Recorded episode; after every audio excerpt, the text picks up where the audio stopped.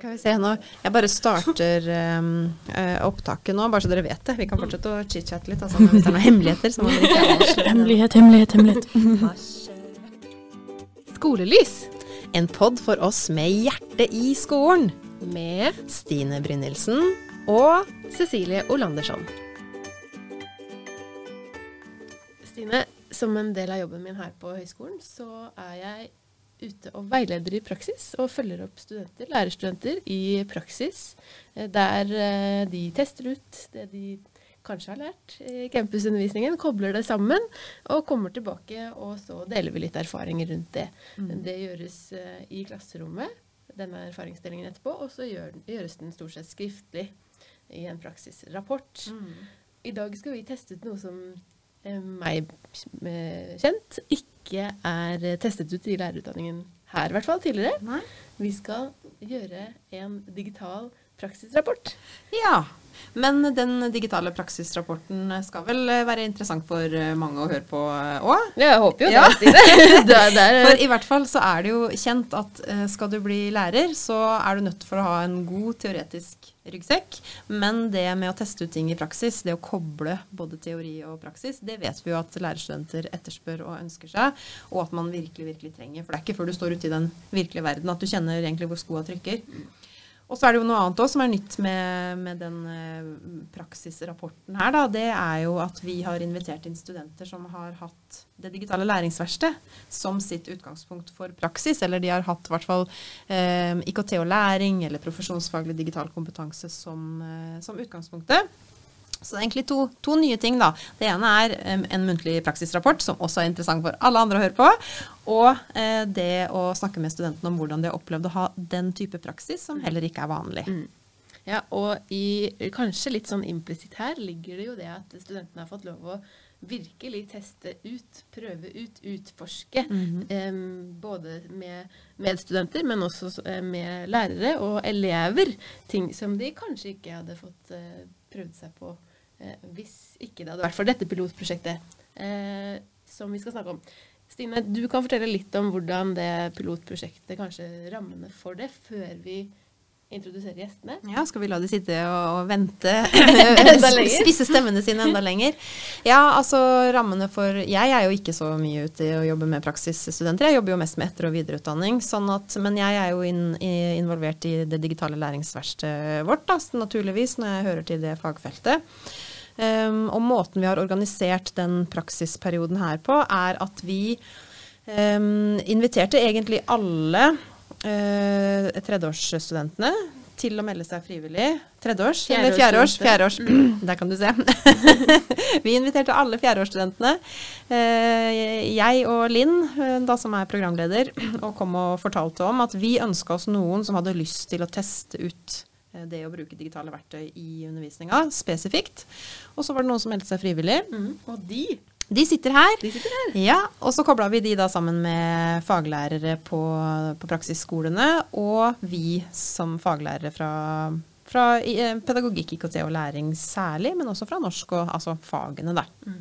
Da er det på tide å introdusere gjestene. Vi har tre gjester her. Og det, nå skal jeg si alle navnene først, og så skal dere få lov å si litt eh, hvem dere er også. Eh, Rakel Edda Nesteng, som eh, har hatt praksis i forbindelse med engelsk. Det har også Kristine Ruud. Dere var i en praksisgruppe sammen. Og så er det Elise Glad Lien, som har hatt fokus på norsk i sin praksisperiode. Hjertelig velkommen. Tusen takk. Rakel og Kristine, jeg begynner med dere. Eh, fortell litt om, eh, om hvem dere er, og hvor dere er i studieløpet. Og eh, kanskje motivasjonen og inngangen for det prosjektet her. Ja, øh, vi er jo helt identiske, holdt jeg på å si, på ganske mange måter. Sitter veldig tett inntil hverandre Ja. her og deler en mikrofon. Og ja. Jevngamle, så å si, og så har vi jo begge engelsk som master, øh, og samme grunnfaga i tillegg. Ja, det har vi. Vi har gått sammen helt fra starten av. Mm, så vi er på fjerde året. Mm. Så det var jo siste ordinære praksis, og når det ble introdusert at vi kunne ha noe annet, så var det litt no-brainer at vi måtte prøve. Mm. Det var vel hovedtanken var vel hoved, hovedtanken var digitaliseringa i skolen, for vi ser jo veldig mye ut av det når vi er ute i praksis. Mm. Og vi tenkte at om vi uansett må bruke det i arbeidslivet, så er det vel like så godt å starte tidlig og se hva vi kan gjøre. Hva med deg da, Lise? Ja, altså, det var no-brainer. Ja. Jeg har tatt alle de mindre ordinære praksisene jeg kan. Eh, Jeg har vært på Inspiria, jeg har hatt eh, D-lab med prosjekt med Rasmus. Jeg har vært på utveksling hvor jeg hadde tre digitale fag, hvor jeg fikk spørsmål av koordinator. Vil du virkelig ha alle disse tre? For de er veldig like, altså. Jo da, jeg ville ha alle tre. Det var derfor jeg satte de opp. Eh, Så det, det, var, det var ingen tvil. Og siden jeg, det digitale læringsverkstedet kom på skolen også, så har jeg tenkt at der der vil jeg være. Eh, så det var jo kjempefint at vi fikk inngangen via det, fordi det åpna vel opp mens jeg var på utveksling. Og da fikk jeg heller aldri vært der med fagene. Det er ingen som hadde tatt oss med dit. Så det var jo helt perfekt. Da fikk jeg jo utforska litt inn på det samtidig. Og så skal det jo også sies at du jobber også som studentassistent på Ja. det digitale læ- læringsverkstedet. Og det kom vel også i stand for så vidt etter eller i forbindelse med den praksisperioden eh, Ja, det gjorde det. der. Én til syv. Ja. Og, En til syv og faga dine. norsk. Ja, norsk. Norsk er mitt masterfag. Det som slår meg da når dere forteller nå, er jo at dere er tre studenter som er glad i å utforske, og som ikke er redd for å teste ut ting. Og det er jo en fordel, både i praksis, altså dette praksisprosjektet, men også som lærere. Eh, så det, det syns jeg er ganske kult. Og det er faktisk veldig gøy med det digitale læringsverkstedet hos oss, da, hvis jeg kan få lov å si, reklamere litt for det eh, nå. Fordi Elise og jeg vi kommer faktisk rett fra en ordentlig utforskende økt der vi har hatt besøk av noen lærere og elever som har eh, testa VR sammen med oss, fordi vi er ikke eksperter på VR. Men det rommet i seg sjøl, det er jo ment først og fremst for at studenter skal kunne utforske. Eh, det å stå i ulike typer klasserom med ulik type teknologi, det handler jo om pedagogikk og didaktikk. Eh, Men man kan jo også ta med seg elever inn, eller man kan ha faglærere med inn, eller man kan få besøk av lærere eller barnehager da, fra andre skoler. Så det er et rom som på en måte innbyr til, eh, til utforsking sånn sett. Men dere, eh, Elise, når du fikk høre om dette, du sa jo litt om det. Eh, hva, hvordan starta dette, praksis, eh, dette praksisprosjektet for deg? Hvordan ble du i møte med liksom DLV og, og deg? Hva, hva, hva slags tanker gjorde du? Hvordan starta prosjektet for deg? Jo, altså først og fremst så meldte jeg meg på to ganger, fordi jeg var ikke sikker på at den var gått første gangen. Um, Motivasjon på topp. ja. og så hadde vi jo dette møtet hvor vi møtte praksislærer og faglærer. Og diskuterte litt hva vi hadde lyst til. Da snakka jeg jo litt om eh, AR, og prøve å dra inn litteraturhistorie eller språkhistorie inn i AR. Hvor da Jeg husker ikke helt hvem det var som foreslo at var med Minecraft. Eh, og så rulla egentlig ballen videre derfra. Vi hadde jo et møte hvor vi fikk litt mer vi fikk litt mer eh, informasjon om hvordan bruke Minecraft egentlig i det hele tatt. For det var vel ingen av oss som hadde brukt det i forkant. Nei. I hvert fall ikke i skolen, da, men eh, på, hjem, på hjemmefronten. Så det var vel egentlig sånn det starta innpå der. Fordi det som var interessant da, var at vi tenkte det her har vi aldri gjort før, så det vet vi ikke helt hvordan vi skal gjøre heller. Og da, som du sa Elise, så inviterte vi inn både faglærere fra praksisskolene og fra oss, og vi fra IKT og læring var med. Jeg var med digitalt, husker jeg. Og så dere, da. Dere tre. Eh, og så begynte jo dere å drodle, og det som Da satt jo du vel først og fremst og snakka med norsklæreren. Og så satt eh, Rakel og Kristine og snakka med engelsk blant, og meg, blant annet. Men dere òg endte jo opp med, Med Minecraft. med Minecraft. Ok, men, men, men jeg som ikke vet Jeg har aldri spilt Minecraft, eh, men jeg har hørt veldig mye om det. Og sønnen min er veldig opptatt av det. Jeg skjønner ikke hvor han har fått det fra. Sikkert kompiser. Men kort fortalt, hva er Minecraft? Minecraft er basically det som heter sandbox game. Eh, Det vil da si at du kan gå inn i en verden, om det er en ferdiglaga verden av folka som har laget spillet, eller om det er en helt tom verden som du kan lage fra bunnen av. Eh, Du kan få alle materialene du trenger for å bygge det du vil. Eh, Det er bare fantasien som stopper deg, egentlig. Og siden det er et sandbox game, så har det jo blitt tilrettelagt for å kunne bli modda og lagd forskjellige ting på det. Så det kan jo du kan ha alt fra biler til fly til historiske bygninger der inne. Du kan ha guider som guider deg gjennom verden. Eh, Og det er bare fantasien som stopper, egentlig. Og så er det jo sånn, eh, det starta jo som et fritidsspill. Det er egentlig svensker, Mojang eh, heter firmaet, som jeg tror det var 2009, om ikke jeg husker helt feil. Det har eksistert en del år, i hvert fall. Eh, Og det er jo egentlig, altså for meg, jeg, jeg gamer ikke, eller er ikke inne i den verden i det hele tatt, men altså det er jo snakk om, og jeg tror at de fleste har sett Minecraft eller hørt om Minecraft, men det er jo snakk om masse firkanter, som du enten kan sette oppå hverandre, eller som du kan slå i stykker. Ja, Lego, Eh, tenker jeg det, er, det. er litt sånn Lego-aktig. Lego. Så at, at det har blitt så populært, har vel f- forvånad. Nå begynte jeg å snakke svensk. Overrasket. Ja, og overrasket. Godt du er gift med en svenske, så du kan oversette litt her nå, Cecilie. Eh, nei, altså overraska over at det har blitt et så populært spill, men noe av det er vel annet at man kan være veldig kreativ, at man kan bygge ting. eh, At man kan velge ulike verdener, i hvert fall fritidsspillet. da, Enten eh, litt sånn eh, den kreative verden der du kan bygge, og også en litt skummel verden der man kan møte på monstre og bli drept osv. Men så kjøpte jo Microsoft opp eh, Minecraft. Eh, og så har det jo kommet en Min Minecraft Education-versjon, som da er den som dere har testa ut. Der man kan bruke det pedagogisk da, inn i læringsarbeidet. Men, eh, men bare for å rulle litt tilbake igjen til hvorfor altså Du nevnte det her med, med, med, med språk, med litteratur, Minecraft. Hva var det som gjorde at dere ble trukket litt inn i den Minecraft-tankegangen i engelsk? Vi har jo prata veldig mye i forhold til eh, interkulturell kompetanse, eh, i år i hvert fall. Eh, Vi har også snakka veldig mye om eh, kommun kommunikativ kompetanse eh, i engelskfaget vårt. Og vi tenkte å bringe eleven inn i en verden som er mindre farlig, mer, mer ufarlig for dem. Å utforske og kunne spre seg litt ut da, som et individ hadde vært lettere for eleven enn eventuelt om vi skulle be dem om å skrive en novelle eller lage en fantasifigur. Og så tenkte vi da at siden at Minecraft var så åpen som det var, så har jo de da mulighet til å kunne skape seg en helt ny persona og kunne interakte med de andre elevene da, på en helt ny måte. Så dere så for dere noen muligheter innenfor de spillene, med utgangspunkt i faga. Altså et pedagogisk eller fagdidaktisk utgangspunkt. Eh, men som dere sier, dere var heller ikke Ja, du Rakel har spilt eh, litt Minecraft, eller hadde du spilt mye? Jeg har uh, spilt av og på Minecraft siden ja, 2010. Ja, det vil jeg si er ganske mye. Ja. Mens, eh, mens Kristine og og Elise var litt nyere inn i det, uh, sånn sett. Eller? Jeg har Ja. spilt en del på noen hytteturer opp Ja. igjennom, hvor det har vært mange unger, og vi har sittet og spilt og lagd verdener sammen. Så det, men det har vært mest på mobilen, så det har ikke vært så avansert på den måten. Så kanskje det nå er på tide å høre litt om hva dere faktisk har gjort. Ja. da. For dere har jo jobba, selv om dere valgte samme tema, så har dere jo vært på forskjellige skoler, og dere, dere har jo vært eh, Altså Rakel og Kristine har jobba sammen i par, mens Elise, du har vært, eh, vært alene. Mm, skal vi starte litt med deg, Elise? Kan du fortelle litt om opplegget og Ja. Eh, så jeg fant jo ut at jeg skulle ha nordiske språk. Og da ville jeg at elevene mine skulle oppleve Det var ikke det at de skulle nødvendigvis bygge alt fra bånn av sjøl, men at jeg bygde, og så gikk de rundt og lærte om det på en mer sånn Det ble mer som et visuelt verktøy til språklæringa. Hvor- trinn er vi på Ja. Vi er på fjerde trinn, ehm, og med noen elever som har masse kompetanse, og mange elever som ikke har spilt noe særlig Minecraft før. Og da kommer de inn Jeg hadde jo en uke med hver klasse, for jeg hadde to klasser. Og første uka, det gikk ikke så bra. Fordi da var det så mye som sånn Det var mye læring i det for min del. At eh, OK, jeg burde gjort det sånn, sånn og sånn.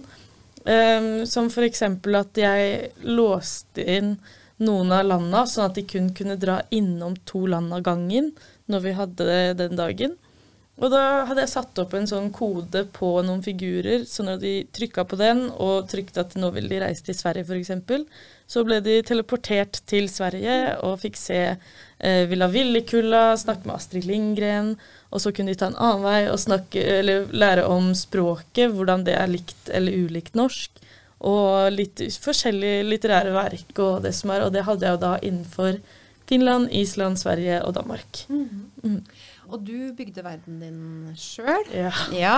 Eh, og vi skal si litt om, eh, Ja. altså litt sånn om erfaringer. Mm, Så vi, vi starter med litt hva du har gjort, men bare så det er klart. Og du gjorde det meste aleine. Ja, jeg gjorde Ja. alt. Ja. Ja. Og dere har, eh, dere har gjort litt Altså rammen er jo de samme her, men også litt ulike i engelsk. Vi starta jo med noen tanker om hva vi skulle. Vi hadde vi var jo også på fjerde, eh, fordelt over tre klasser da på fjerde. Med mest mulig undervisning, så målet vårt var jo da å ha alt på Minecraft når vi var i klassen. Eh, vi innså at det veldig fort var urealistisk. veldig fin erfaring. Må jo gi kudos til eh, Rakel som har bygga, for jeg eh, hadde aldri rørt Minecraft for dette her. Så det var en eh, læringsbakke, holdt jeg å si på meg. Men kan ikke du si noe om hvordan tank første tanken var? Altså Originalplanen var det at vi skulle bygge en verden hvor de kunne skape seg en egen persona, og lage sitt eget hus og lage hel, et helt samfunn eh, i denne Minecraft-verdenen, hvor de skulle samhandle og jobbe sammen og sånt. Eh, planen var egentlig å bygge verden fra bånn av, for min del. Eh, oppdaget veldig fort når jeg hadde lagt inn flere timer i det, at det var urealistisk, og tok en mal eh, ifra eh, Minecraft Educational eh, og tvika litt på den, da. Eh, Så det var hovedtanken. Eh, Hvordan knytta dere det til engelsk? Eh, tanken var at de bare skulle prate på engelsk i verden. Eh, de skulle skrive til hverandre på engelsk, eh, og så skulle vi lage små oppgaver som de fikk i verden etter hvert, som hadde engelske mål ved seg da. Eh, om de da skulle snakke, bruke masse adjektiv, eller om de skulle fokusere på verbene, eller hva de skulle gjøre. Eh, det tenkte vi skulle finne litt ut av når vi fikk en mer oversikt over hvor de lå i faget. Og siden det er fjerde klasse og det er digitalt, det er nytt, vi hadde ikke vært der før, og da er det vanskelig for dem å kanskje relatere seg til oss som uh, lærer, uh, på en måte. Det ble litt rart for dem. Eh, Så hadde vi også mye på norsk. Vi hadde de faste engelske, men vi holdt oss til kultur generelt sett også i norsken. Og ikke kultur som i oppstykka 'det er dem, dette er oss', men utforske Sametinget, for det var jo samenes nasjonaldag. Og da kunne vi også utforske Native Americans og koble det til det. Hvilke likheter ser vi, hvilke ulikheter mellom samer nå til dags og den Anishinaabe-triben vi besøkte. Så det var for 5000 år vi reiste.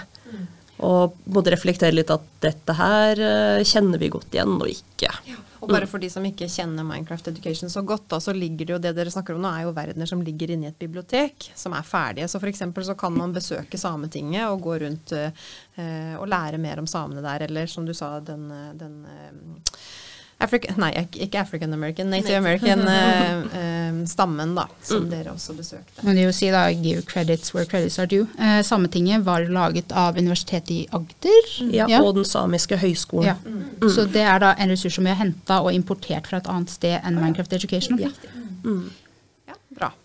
Så jeg er nysgjerrig da, som lærer, så, altså, og tidligere lærer i, i grunnskolen, så, så tenker jeg eh, heftig at noen studenter kommer inn og prøver ut. Litt skummelt som lærer. Hvordan håndterte lærerne dette, syns dere? Eller hvordan, hvordan var samarbeidet mellom dere og praksislærer?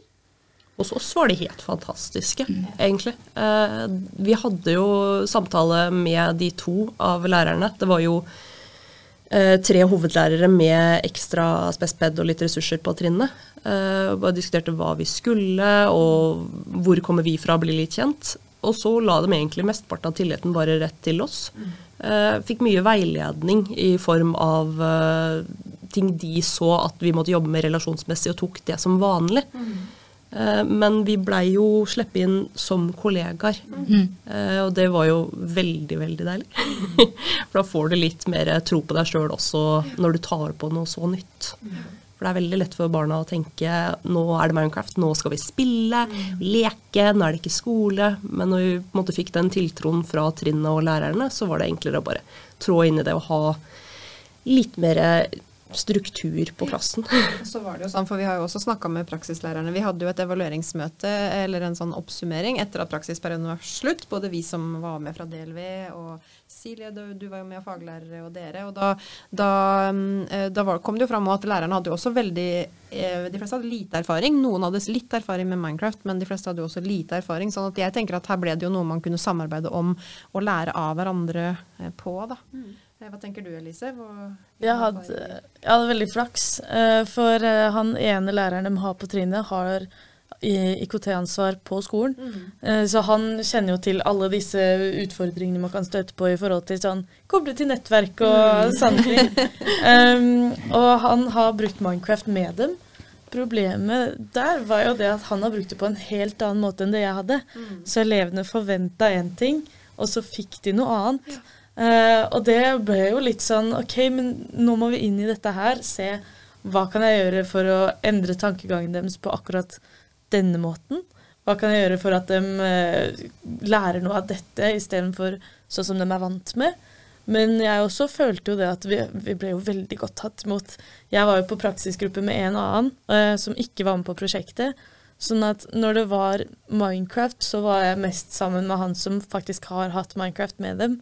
Og de andre var jo absolutt innom og hjalp til, men så er det jo han som har mest erfaring med det, så det er jo mest naturlig at det er han som kommer og hjelper til. Og ja, det var egentlig veldig fint. Og jeg fikk jo etter hvert med min medstudent på å gjøre noe Minecraft på samedagen. Så det var veldig fint. Da fikk hun testa ut litt, hun også, så det var veldig morsomt. Og det, det syns jeg eh, Nå nevnte jo du noen utfordringer. Jeg, lurer på om vi skulle starta med å oppsummere litt med, med utfordringer. At vi begynner, begynner, der, rett og slett.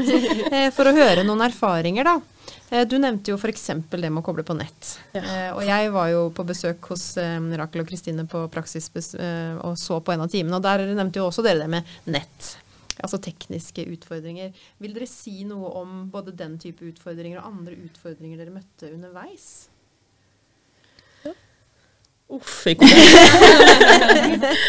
Nei, jeg tror det tok både skolen og oss litt på senga, det at uh, Oi, vi fikk faktisk ikke kommet oss inn, for vi kunne jo ikke bruke vår egen PC. Nei. Fordi vi må være på samme nettverk, og da måtte vi ha innlogging, mm. og det hadde vi ikke. Uh, Så var det ikke bare innloggingen heller, ja. uh, fordi vi har jo via høyskolen veldig bra at vi har jo Minecraft Educational mm.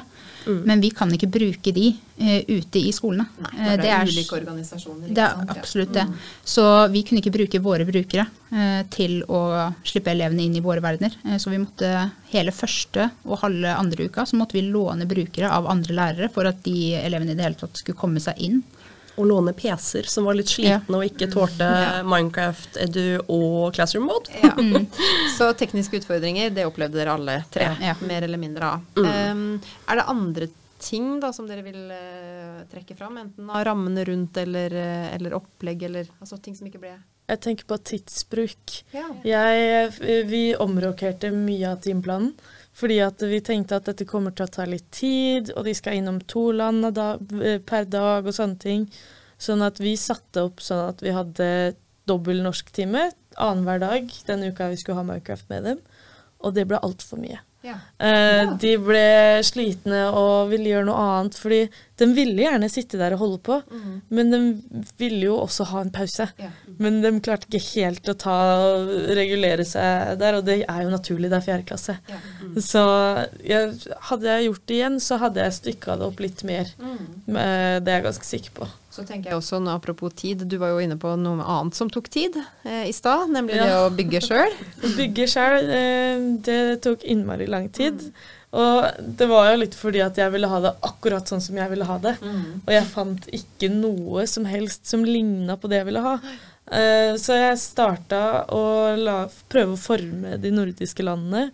Og så var det jo det å finne ut av ok, men hvor er det jeg skal sette opp de forskjellige landene, hvor mye plass trenger jeg til hvert land. Og det, det, jeg satt vel i hvert fall fem timer hver dag i en og en halv uke. Ja. Det og det kan man ikke gjøre i, i lengden. Men det, er klart, du, du har sikkert lært mye, da. Men, men kjenner, kjenner, dere igjen noe med dette med tid? Tidsbruk? Ja, absolutt. Både i klasserommet og etter, eh, etter at skolen er ferdig for elevene. Én uh, ting er jo at det tekniske tar tid i seg selv. Uh, det er én time som vi mista fordi det tekniske absolutt ikke fungerte. Hvis mm. fikk vi snudd det rundt for elevene, da, sånn at de fikk gjort noe fysisk i stedet.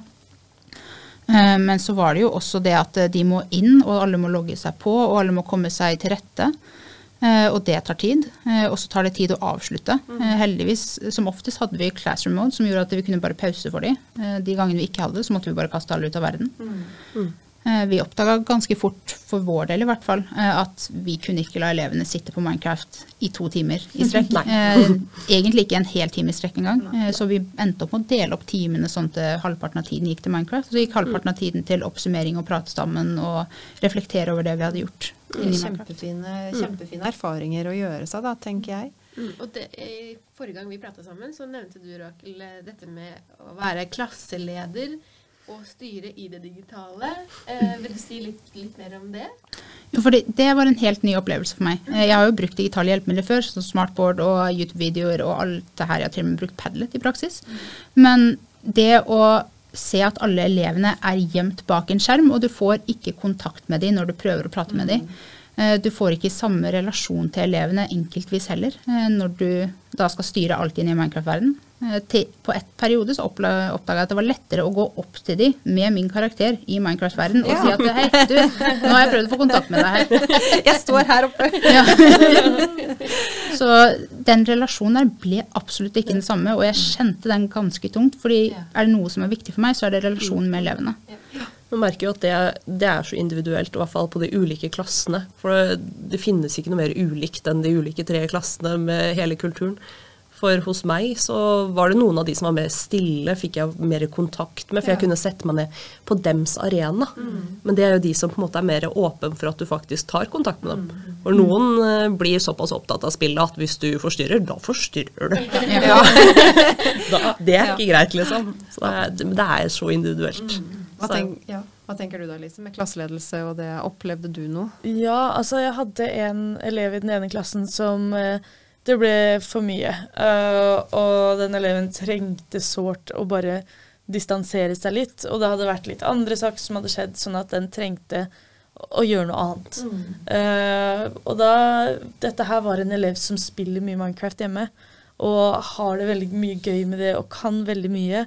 Så den eleven ble jo endte opp med å gå rundt og liksom si fra til meg da, hvis det var noen som ikke gjorde som de skulle, eller hvis det var eh, noe som jeg burde fiksa på og sånne ting. Så kommer han opp og fikser og ordner og ja, løser. Ja, han, ja. Og det var kjempefint, for da koste han seg så mye. Ja, men Det, det er en, en fin overgang til, eh, til å si litt om eh, mulighetene, kanskje. Og jeg har bare lyst til å si én ting som jeg, jeg jo tenker. er jo Dere hadde selvfølgelig Det er jo ekstra krevende kanskje å komme inn, som dere sa, i noen uker eller i, visst, i en viss periode. Å bygge relasjoner er jo, det er jo tidkrevende i seg sjøl. Men, men så syns jeg da det var veldig interessant at eh, du, Rakel, f.eks. opplevde at det ble vanskeligere med, med skjermene. Mens eh, Kristine sier at ja, men, men for noen så var det kanskje lettere, eller noen ble ressurser. Så det mm, er interessante perspektiver. Men, men eh, hvis vi går over til hva som fungerte godt, da. Hva er det dere er fornøyde med? Hva syns dere, hva syns dere funka bra eh, i opplegga deres? Jeg likte veldig godt når vi brukte både Sametinget og Anishinaabe-triben. For da hadde vi Vi brukte det litt som vi ville brukt en eh, bildebok, egentlig.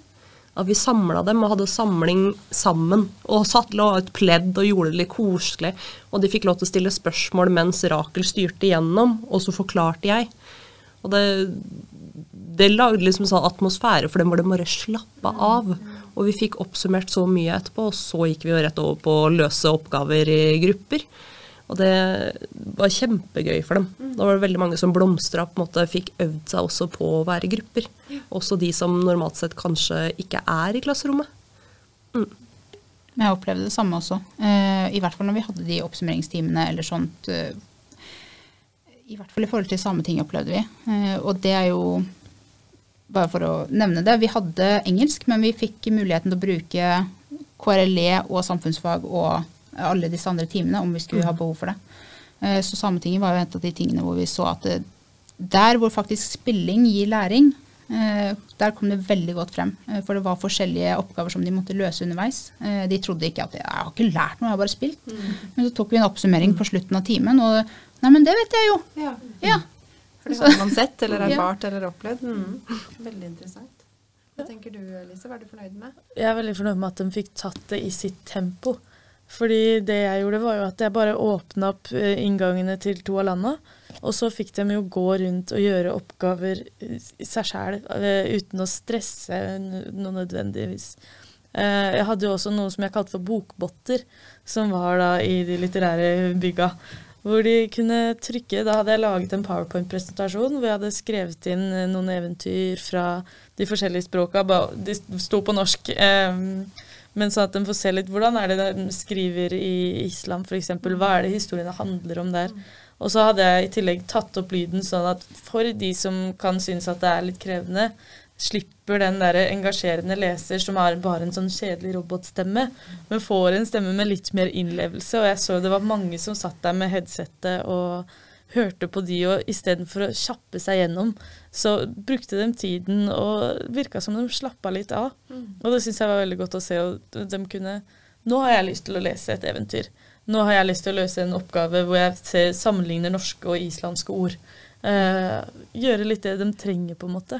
Så litt eh, at det la til rette for. I en utforsking, da. Utforske er jo et av de her eh, Det er ikke et av de her, men det er det mest brukte verbet i, i, i fagplanene i LK20, faktisk. Så det høres ut som det er det du la litt til rette for, da. At man kunne jobbe litt i eget tempo. Og med, medvirkning vil jeg Ja. jo si at man har stor valgfrihet i hva man ønsker å, å gjøre Mm. i et sånn stort, variert undervisningsopplegg. Da. Mm.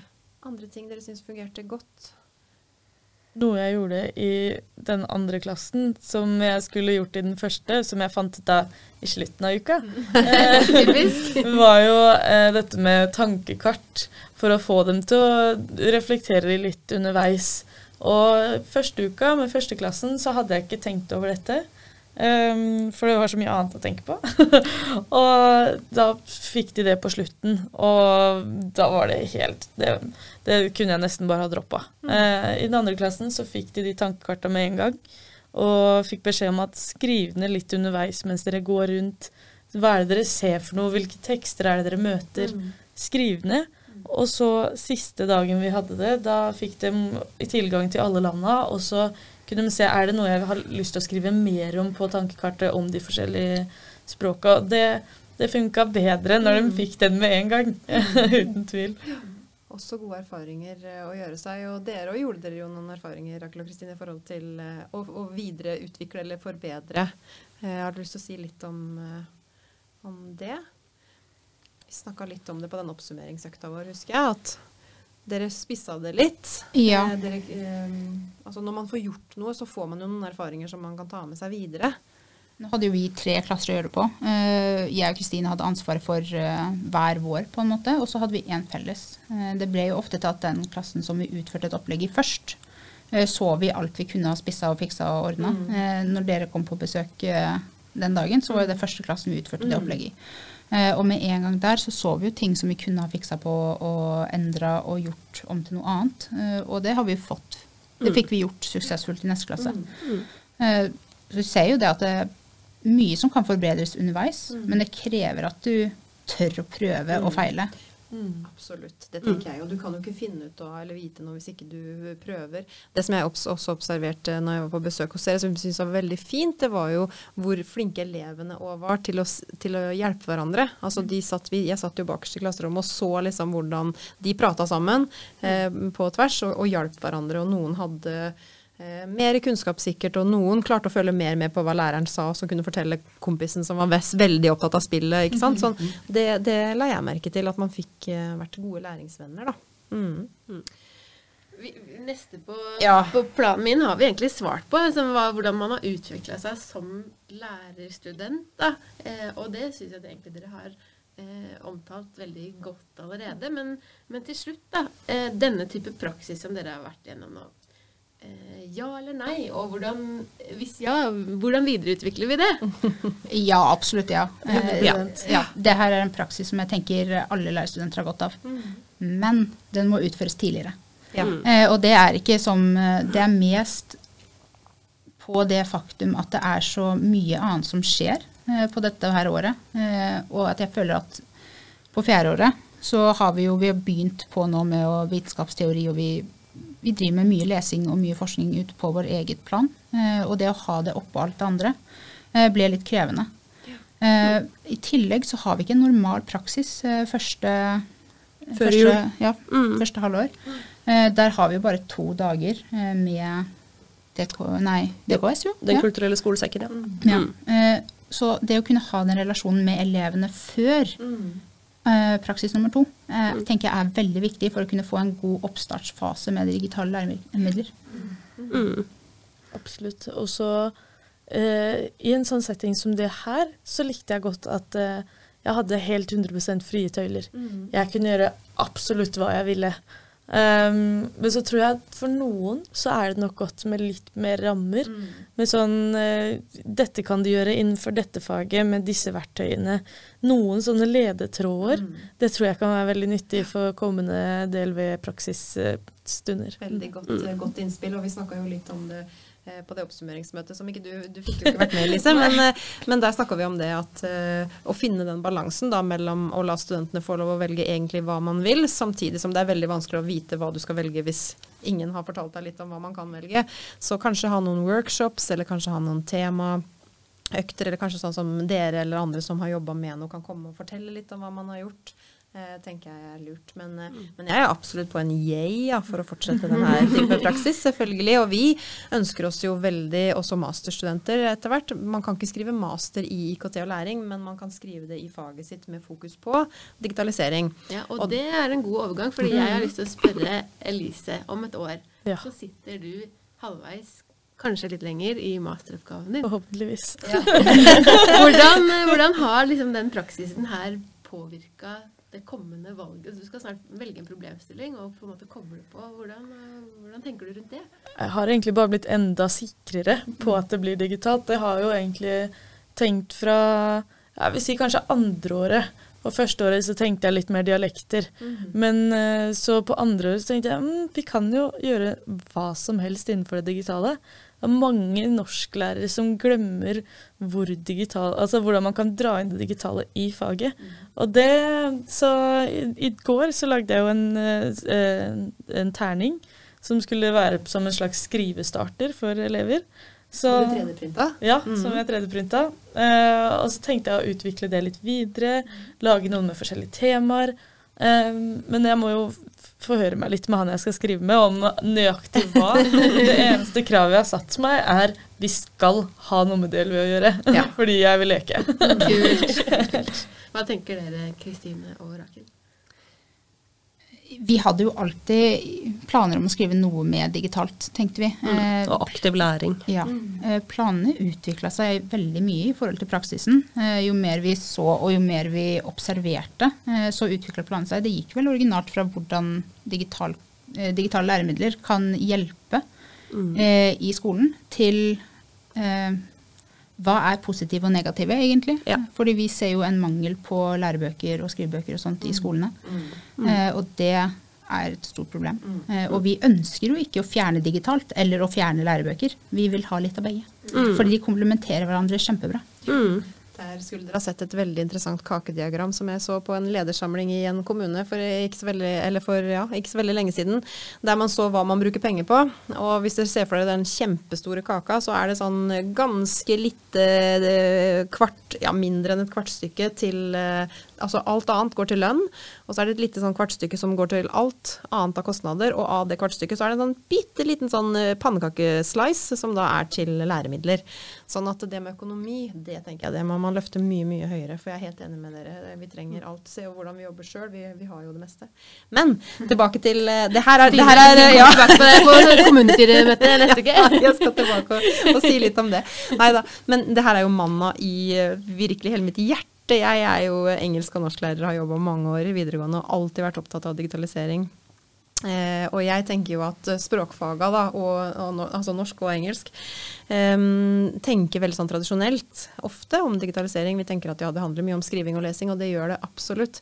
Men hvordan kan man liksom løfte og utvide og endre da, noe av faget eh, både metodisk og innholdsmessig gjennom å koble på f.eks. det digitale læringsverkstedet og de tinga som finnes der. Fordi 3D-printing og norskfaget, det er det ikke automatisk at alle kobler, sånn som du f.eks. gjorde nå, Elise. og det, det tenker jeg er en sånn gyllen sjanse da med å ha praksis i DLV, er at man kan gjøre noen sånne koblinger. En annen ting som er veldig kult når vi sitter rundt det bordet her nå, det er at det er eh, tre jenter som da har valgt spill, spillbasert læring som utgangspunkt for sin praksis. Og vi vet jo, vi, vi hadde en spillfestival her for, eh, for noen dager siden. Der vi så på tall om hvor stor kjønnsforskjell det egentlig er da, i forhold til eh, spill og spillinteresse. Det er jo veldig veldig mange flere gutter enn jenter som spiller. Men derfor så tenker jeg at det er ikke en ekstra spennende at dere som da kvinnelige studenter har testa ut, eh, ut det her. Um, Så det var en tanke som også slo meg. Slår et slag for det. Slår et slag for det. Yes, Ja. Da er jeg veldig fornøyd. Ja, jeg er også tusen veldig fornøyd. hjertelig takk for at dere Tusen, kom tusen takk skal dere ha. Takk for at vi fikk komme. Ja. Takk. Skolelys En pod for oss med hjerte i skolen. med Stine Brynildsen. og Cecilie Olandersson.